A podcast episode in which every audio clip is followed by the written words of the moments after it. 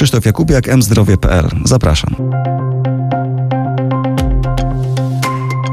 Dzisiaj gościem jest pani profesor Kostera Pruszczyk. Będziemy rozmawiali o programie leczenia chorych z rdzeniowym zanikiem mięśni, czyli tak zwane SMA.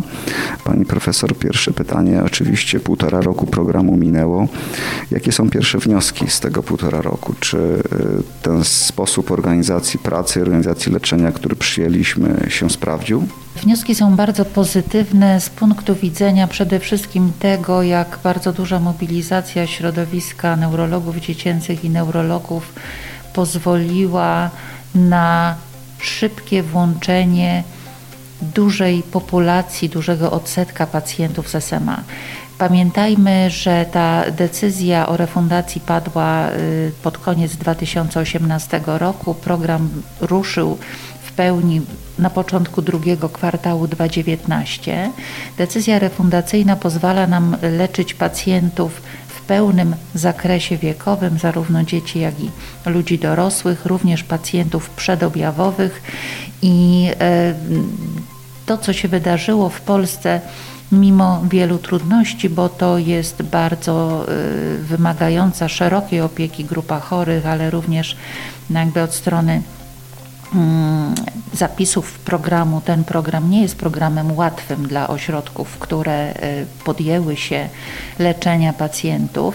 Mimo to my po roku trwania programu mieliśmy już leczonych e, dwie trzecie polskich e, pacjentów z rdzeniowym zanikiem mięśni, co jest wynikiem imponującym nawet wtedy, kiedy porównujemy się z systemami ochrony zdrowia, które no, są y, trochę być może y, lepiej y, zorganizowane, które dysponują większą liczbą pracowników i w których dostęp pacjentów do leczenia bywa lepszy. Powiedziała pani profesor, że to nie jest program łatwy. Na czym ta trudność polega? E, przede wszystkim osoba, która choruje na rdzeniowy zanik mięśni, mimo że jest to choroba, w której najważniejszym objawem jest e, niedowład e, i zanik mięśni, tych objawów, które pojawiają się wtórnie do niedowładu i zaniku jest zazwyczaj bardzo wiele. Od problemów ortopedycznych, czasami bardzo nasilonych skolios, skolios, które sprawiają, że dokanałowe podanie leku, bo tak ten lek w programie jest podawany, wymaga e, no, bardzo szczególnych warunków. W moim szpitalu robimy to z pomocą radiologów interwencyjnych e, w warunkach e, pracowni tomografii komputerowej poprzez potrzeby żywieniowe pacjenta, sytuacje, w których również jesteśmy zobligowani z jednej strony do oceny funkcji układu oddechowego. Choroba może powodować przewlekłą niewydolność oddechową, zaopatrzenia pacjenta we wsparcie oddechowe, włączenie go do programu wentylacji e, w warunkach domowych. E, rdzeniowy zanik mięśni w sytuacji tych ludzi, którzy chorują od wielu lat, mają zaawansowane objawy, to jest choroba, która wymaga zdecydowanie opieki wielodyscyplinarnej. Czy to są problemy natury klinicznej, a organizacja tego programu, czy również są jakieś problemy z tym związane? Podejrzewam, że jeden generalny problem e, tutaj odpada, ponieważ we wszystkich programach lekowych narzekamy na wysokie kryteria wejścia, że nie wszystkich chorych możemy leczyć. Tu akurat z definicji leczymy wszystkich, ale czy są jakieś inne problemy organizacyjne, które utrudniają? Problemy natury organizacyjnej to przede wszystkim fakt, że y, pacjentem, y, który trafia w celu podania leku, zajmuje się zwykle w krótkim okresie pobytu w szpitalu wiele kolejnych osób i to trzeba bardzo precyzyjnie dograć. Oczywiście Trochę to jest inaczej u maleńkich dzieci, trochę inaczej u ludzi y, dorosłych. Różni się to y, w zależności od zaawansowania choroby. Generalnie czasem jest potrzebny neurolog, pielęgniarka, anestezjolog, czasem jest potrzebny radiolog interwencyjny. Niemal zawsze do y, takiej wizyty niezbędna jest obecność wysoko wykwalifikowanego, w odpowiedni sposób przeszkolonego fizjoterapeuty. A przecież nasze szpitale to są placówki, które dyżurują ostro. My leczymy chorych z udarem, z stwardnieniem rozsianym, po napadach padaczkowych. No można oczywiście tę listę chorób neurologicznych wydłużać. Ja mówię o oddziałach dla dorosłych. W oddziałach neurologii dziecięcej również pacjenci z SMA zostali e, przyjęci w bardzo otwarty sposób oprócz ogromnej grupy innych chorych, którym my również na bieżąco zapewniamy opiekę. A to, co y, jest naszą bolączką, ale również uwagą dyrektorów placówek, w których funkcjonujemy, to jest kwestia wyceny tak zwanej obsługi programu, ponieważ y, no niestety, co jest zresztą prawdą również w odniesieniu do innych programów y, lekowych, które prowadzimy w neurologii, ta wycena nie nadąża za realnymi kosztami, które nasze placówki muszą ponieść. Ile, pro, ile placówek prowadzi e, ten program lekowy? E, w tej chwili w Polsce pacjenci są leczeni w 29 oddziałach. E, to są zarówno oddziały neurologii dziecięcej, jak i neurologii dorosłych. Ideą było to, żeby pacjent niepełnosprawny ruchowo, który musi się pojawić z reguły w szpitalu z opiekunem, czasem jeszcze z dodatkowym sprzętem, wózkiem, respiratorem, który używa na co dzień, żeby nie musiał jechać przez pół Polski, tylko żeby ta terapia była dostępna możliwie blisko. A czy to nie jest za dużo? Biorąc pod uwagę 600 czy 800 pacjentów, to wygląda, że na jeden ośrodek, ośrodek jest ledwo kilkadziesiąt osób. Czy nie lepiej byłoby skoncentrować to leczenie w kilku czy kilkunastu placówkach? Jak pani myśli? To jest bardzo dużo. E, bardzo dużo pacjentów na jeden ośrodek, nie bardzo dużo e, ośrodków. E, w Europie Zachodniej czasami liczba pacjentów przypadających na ośrodek jest w granicach 10-15 osób. Na Mazowszu, w klinice na Banacha, w której pracuję, leczymy ponad 60 pacjentów. Klinika Neurologii Dziecięcej Centrum Zdrowia Dziecka w tej chwili ponad 70 pacjentów, co wynika poniekąd z tego, że do nas ci pacjenci trafiali od początku oni byli pod naszą opieką jeszcze zanim stała się dostępna e, farmakoterapia. E, natomiast e, również ze względu na specyfikę choroby, to, że podróżowanie jest trudne i niewygodne, wydaje mi się, że jest na mapie Polski miejsce jeszcze co najmniej na 5 czy 6 ośrodków. A czy to jest tak, że jest jakiś ośrodek wiodący, który sprawdza, czy wszystkie inne stosują odpowiednie standardy? Wykształciła się taka sieć z ośrodkiem koordynującym, czy to raczej jest demokratycznie? E, programy Narodowego Funduszu Zdrowia są w pełni demokratyczne i to jest jasne, aczkolwiek jak w innych programach jest konieczna rekomendacja krajowego konsultanta, który potwierdza możliwości ludzkie i sprzętowe ośrodka, który to leczenie prowadzi. E, w przypadku programu leczenia SMA e, został powołany e, decyzją Narodowego Funduszu Zdrowia zespół koordynacyjny, który jak w innych chorobach rzadkich, czy podobnie jak w chorobach ultrarzadkich, weryfikuje wskazania pacjenta do leczenia, E, natomiast e, zadaniem zespołu nie jest koordynowanie czy nadzorowanie leczenia w poszczególnych ośrodkach. Natomiast oczywiście e, te ośrodki, które mają szczególnie duże doświadczenie, są bardziej aktywne, jeśli chodzi o szkolenie koleżanek, kolegów z ośrodków, które dopiero rozpoczynają e, działanie. No, służymy sobie też taką zupełnie nieformalną radą przez telefon, tak jak to dobry zwyczaj nakazuje. A czy powstał e, Krajowy Rejestr Chorych na SMA? Krajowy Rejestr Chorób, Chorych na SMA istnieje już od ponad 15 lat. To jest rejestr, który w Klinice Neurologii Warszawskiego Uniwersytetu Medycznego prowadzony jest w ramach takiej początkowo europejskiej, a w tej chwili już globalnej w tym zasięgu inicjatywy e, Treat NMD. e, no to jest rejestr, w którym mamy informacje o większości, to nigdy nie jest 100%, ale o większości chorych e, z całej Polski, o tym w jakim wieku zachorowali, jaki jest ich aktualny stan ruchowy. Generalnie nie do przecenienia rola rejestrów e, w chorobach rzadkich. One są też cennym źródłem dla płatnika, dla tych, którzy decydują o tym, chociażby jak na mapie Polski rozłożyć lokalizację ośrodków leczących. E, działalność tego rejestru finansuje Państwa ośrodek? E, działanie tego rejestru było bardzo krótko na początku e, finansowane ze środków ministerialnych, a potem przez bardzo, bardzo wiele lat to jest no, działalność, powiedziałabym, wolontarystyczna. Bardzo chciałabym, liczę na to, że Narodowy Plan dla Chorób Rzadkich, który powinien lada chwila przybrać już ostatecznie. Od, od wielu lat powinien lada chwila. E, to prawda, ale może to właśnie znaczy, że nadszedł już ten moment. E, ważnym elementem Narodowego Planu jest tworzenie rejestrów chorób rzadkich.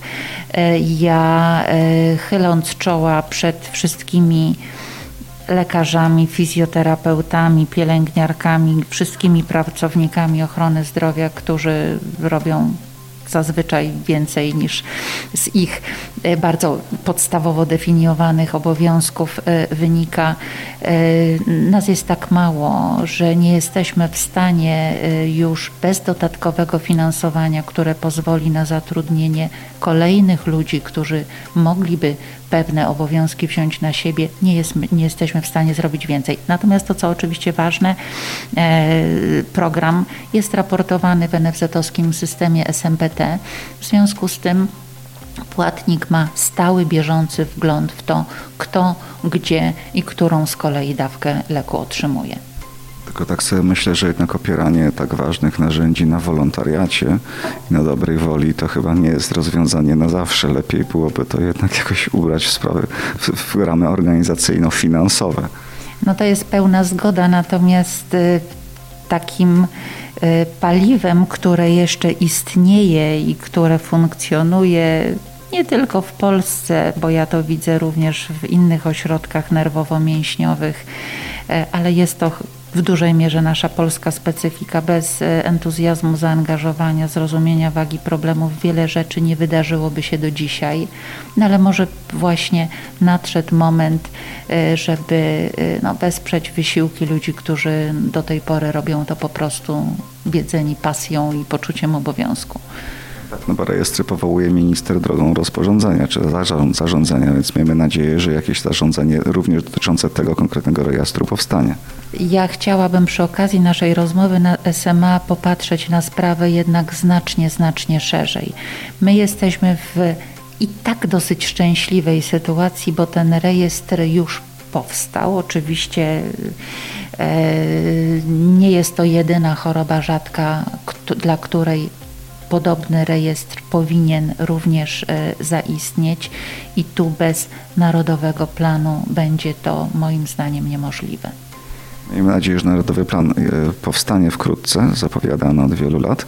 Ja jeszcze dopytam o dwie sprawy. Pierwsza to jest kwestia koordynacji leczenia, bo tak jak pani profesor mówiła, dużo jest, e, dużo osób jest zaangażowanych, wiele, wiele specjalizacji. Czy prowadząc e, leczenie w ramach programu państwa ośrodek dostaje pieniądze, czy dostaje jakieś środki organizacyjne, też jakieś wydzielił na potrzeby właśnie koordynacji leczenia?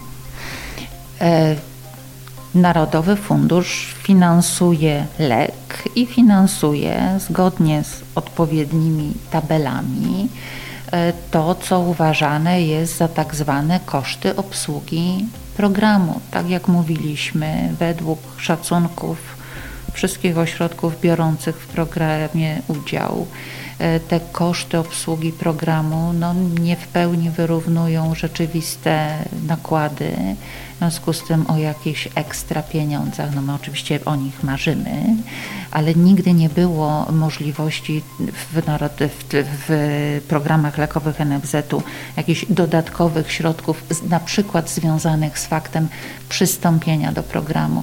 Przy bardzo niewielkiej liczbie rąk do pracy, co jest wyzwaniem dla coraz większej liczby oddziałów neurologii w Polsce. Byłoby to absolutnie e, fantastyczne.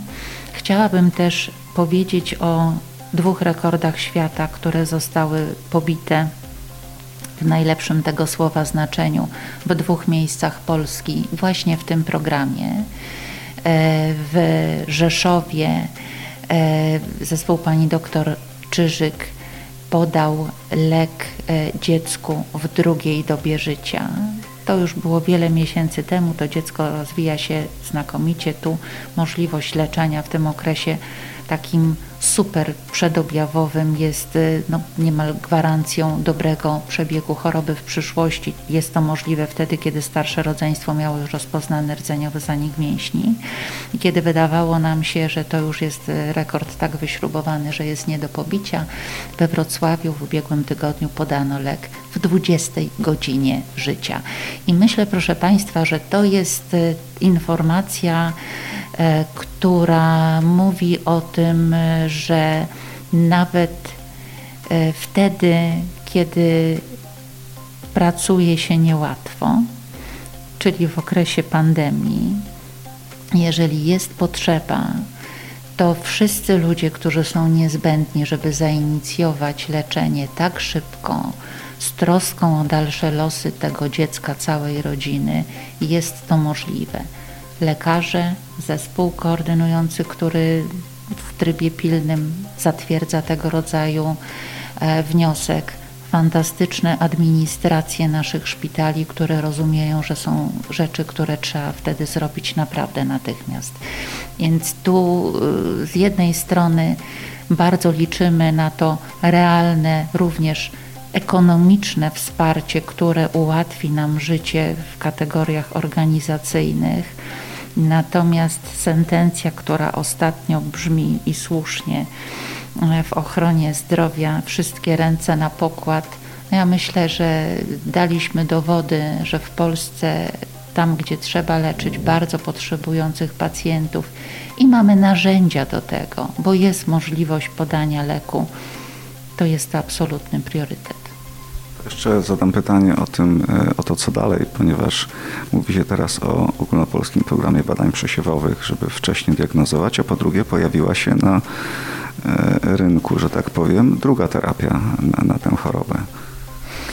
E, program badań przesiewowych to jest w, SMA to jest bardzo chciałabym uważać plany już na najbliższe miesiące, ponieważ badania e, kliniczne pokazały, że skuteczność zarówno leku, który jest już dostępny w programie lekowym i tak jak słyszeliśmy, zdarzyło się nawet, że był podawany dzieciom no, w pierwszych dniach, w pierwszych godzinach życia. E, wiemy, że e, podanie leku w takim okresie przedobjawowym daje znakomicie większą skuteczność niż wtedy, kiedy w tej ostrej, wczesno-niemowlęcej postaci Terapia rozpoczyna się już e, w momencie, kiedy pierwsze objawy kliniczne są. I to dotyczy zarówno leku, który jest refundowany, jak i tej nowatorskiej terapii, o której e, wspomniał pan redaktor. Podobnie jest również z kolejnym lekiem o zbliżonym mechanizmie działania do tego, który już w Polsce mamy, gdzie również toczy się badanie u takich wczesnoobjawowych lub przedobjawowych dzieci. W SMA można powiedzieć czas to motoneuron, tak jak w udarze mózgu mówimy czas to mózg. Tu rzeczywiście w tej wczesnodziecięcej postaci wczesne leczenie daje dużo lepsze rezultaty.